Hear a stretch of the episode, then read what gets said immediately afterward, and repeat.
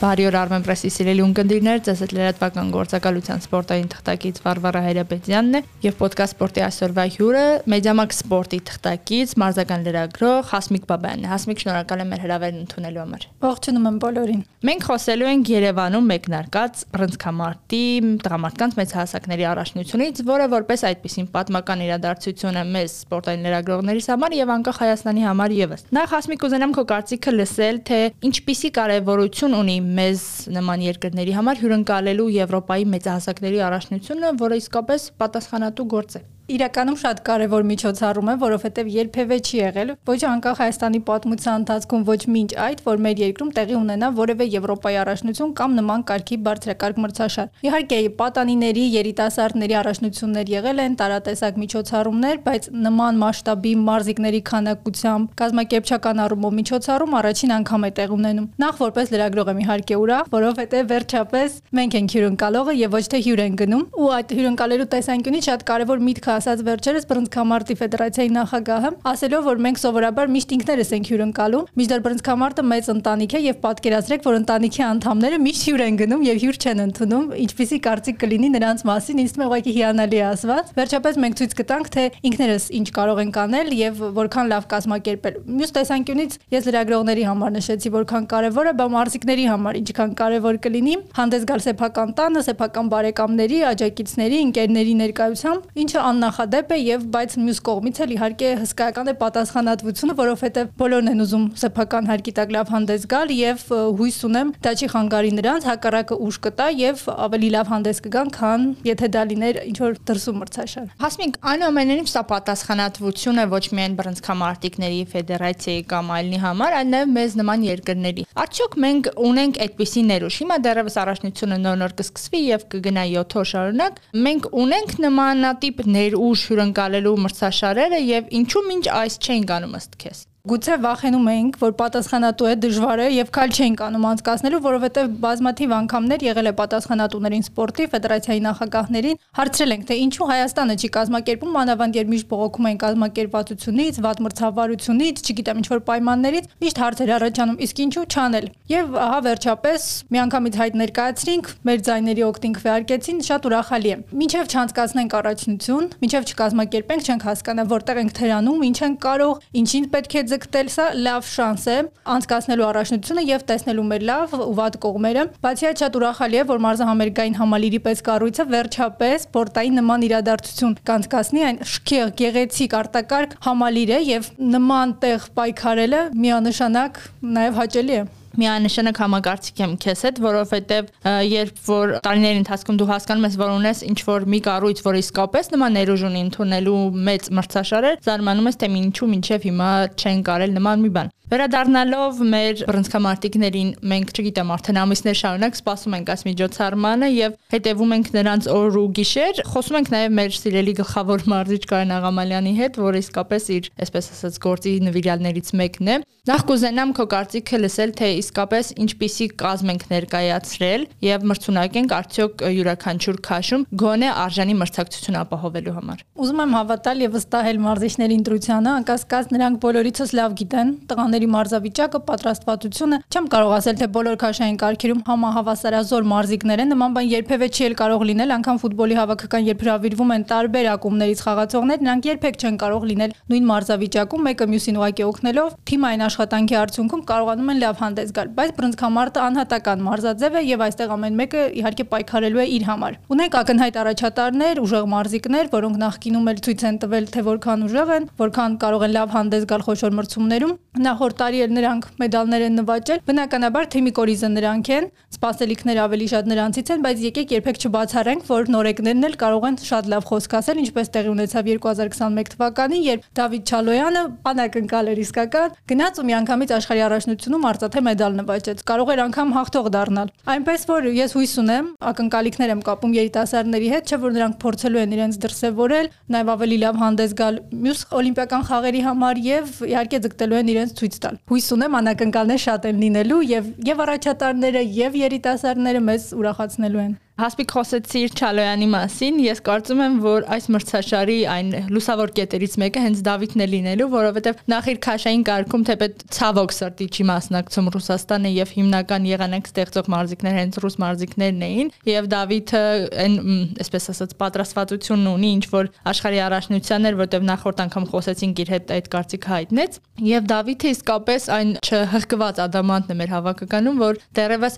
լիահույս լինենք, որ օլիմպիական խաղերում Փարիզում կկարողանա մեր երկրի համար մեդալ նվաճել։ Ես կուզենամ քո կարծիքը լսել Բաչկովի այս առաջնությանը մասնակցելու որոշման մասին, որովհետեւ միջև վերջի պահ մենք դեռևս երկմտանքի առաջ են կանգնած, թե հնարավորություն կունենա նա մասնակցելու կամ ինքը անձամբ կորոշի մասնակցել, թե չէ։ Մեր ավակ գործընկեր Կարեն Գիլյանն ասաց, որ Բաչկովն անձամբ է որոշում կայացրել, որ կմասնակցի այս մրցաշարին, որովհետեւ նաև պրոֆեսիոնալ ռինգում այսպես մենամարտուներ, որը հետաձգել է։ Ըստ քեզ ինչու Բաչկովը որոշեց մասնակցել Երևանյան այս մրցաշարին եւ ինչը, այսպես ասած, մոտիվացրեց նրան։ Իհարկե տանը հանդես գալը մոտիվացրեց։ Դրանից առավել լավ մոտիվացիա կարծում եմ չի կարող լինել եւ երբ որ առաջնությունը վստահվել է Հայաստանին, միանշանակ ինչպես ցանկացած բռնցքամարտիկ համոզված եմ Բաչկովն էլ շատ է ցանկացել ելույթ ունենալ Երևանում։ Իհարկե դրանից հետո որոշ ժամանակ անցավ նա մենամարտ ունեցավ պրոֆեսիոնալ ռինգում եւ իհարկե մարզավիճակի հետ կապված վնասվածք ունեցավ, որը վերականգնել էր պետք եւ ժամանակի կարիք եղավ։ Դա էր պատճառը, որ միջև վերջին պահը հարցականի տակ էր, արդյոք նա կմասնակցի թե ոչ։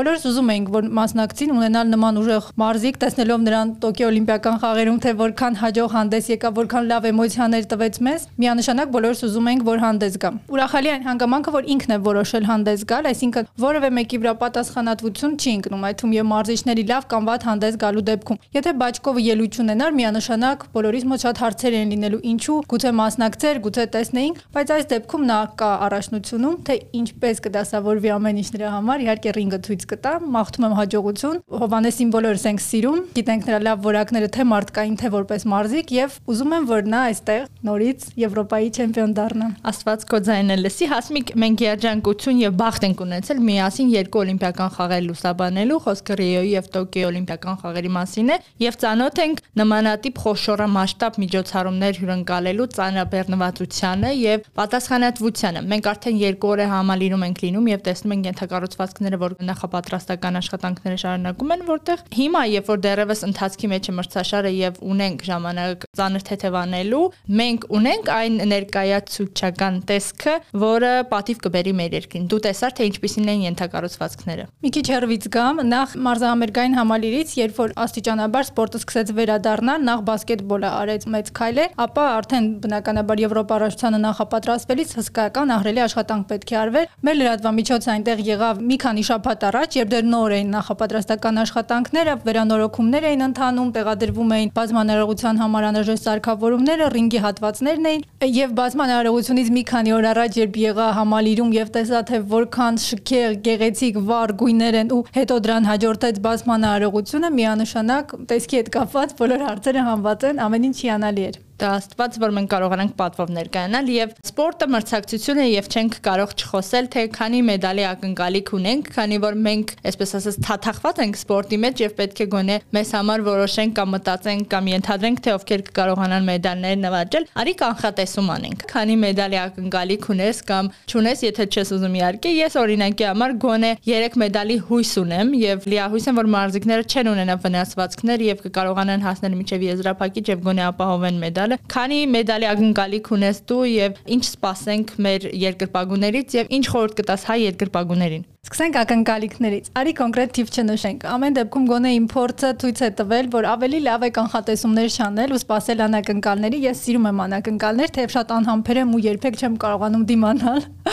Բայց այս պարագայում մինչև ամսի 30-ը գոնե նվազագույնը պետք է համբերել տեսնելու համար, թե ինչպես են հանդես գալիս մեր մարզիկները։ Նախ մարզիկներին ինչ կմաղթեմ, թե իմ աշխատանքում, թե նույն մարզիկներին ուզում եմ, որ վայելեն այդ պահը, ամեն ելույթը, ամեն մենամարտը, ինչպես մենք ենք մեր աշխատանքանում գերագույն հաճույքով, հոգնելով, վազվզելով, տանջվելով, որովհետև նման միջոցառումները նախ եւ առաջ շատ մեծ ծանրաբեռնվածություն են նաեւ լրագրողների համար եւ ուզում եմ բոլորս եւ իմ գործընկերները եւ լրագրողները եւ հեռարձակողները մի խոսքով բոլոր բոլորը ֆոտո նկարիչները, որոնցից շատ բան է կախված, թե ինչ տեսքով է լինելու այս առաջնությունը, վայելենք, գեղեցիկ պահերը տեսնենք, բրոնզկամարտը որքան բարդ, նույնքան գեղեցիկ, շատ փիլիսոփայական եւ խորը մարզաձև է։ Ուզում եմ մոտ տարածությունից տեսնենք այդ ամենը։ Իսկ երկրպագուներին միանշանակ թող գան, թող աջակցեն, թող իրենց իրենք տեսնեն, նախ որովհետև երբ որ հերոստատուցով են դիտում, ամեն ինչ չէ որ երևում է եւ բնականաբար տարբեր կարծիքներ, քննադատություններ, վերլուծություններ անել ավելի հեշտ է, բայց երբ որ դու քո թեփական աչքերով մի քանի մետր հեռավորության վրա տեսնում ես,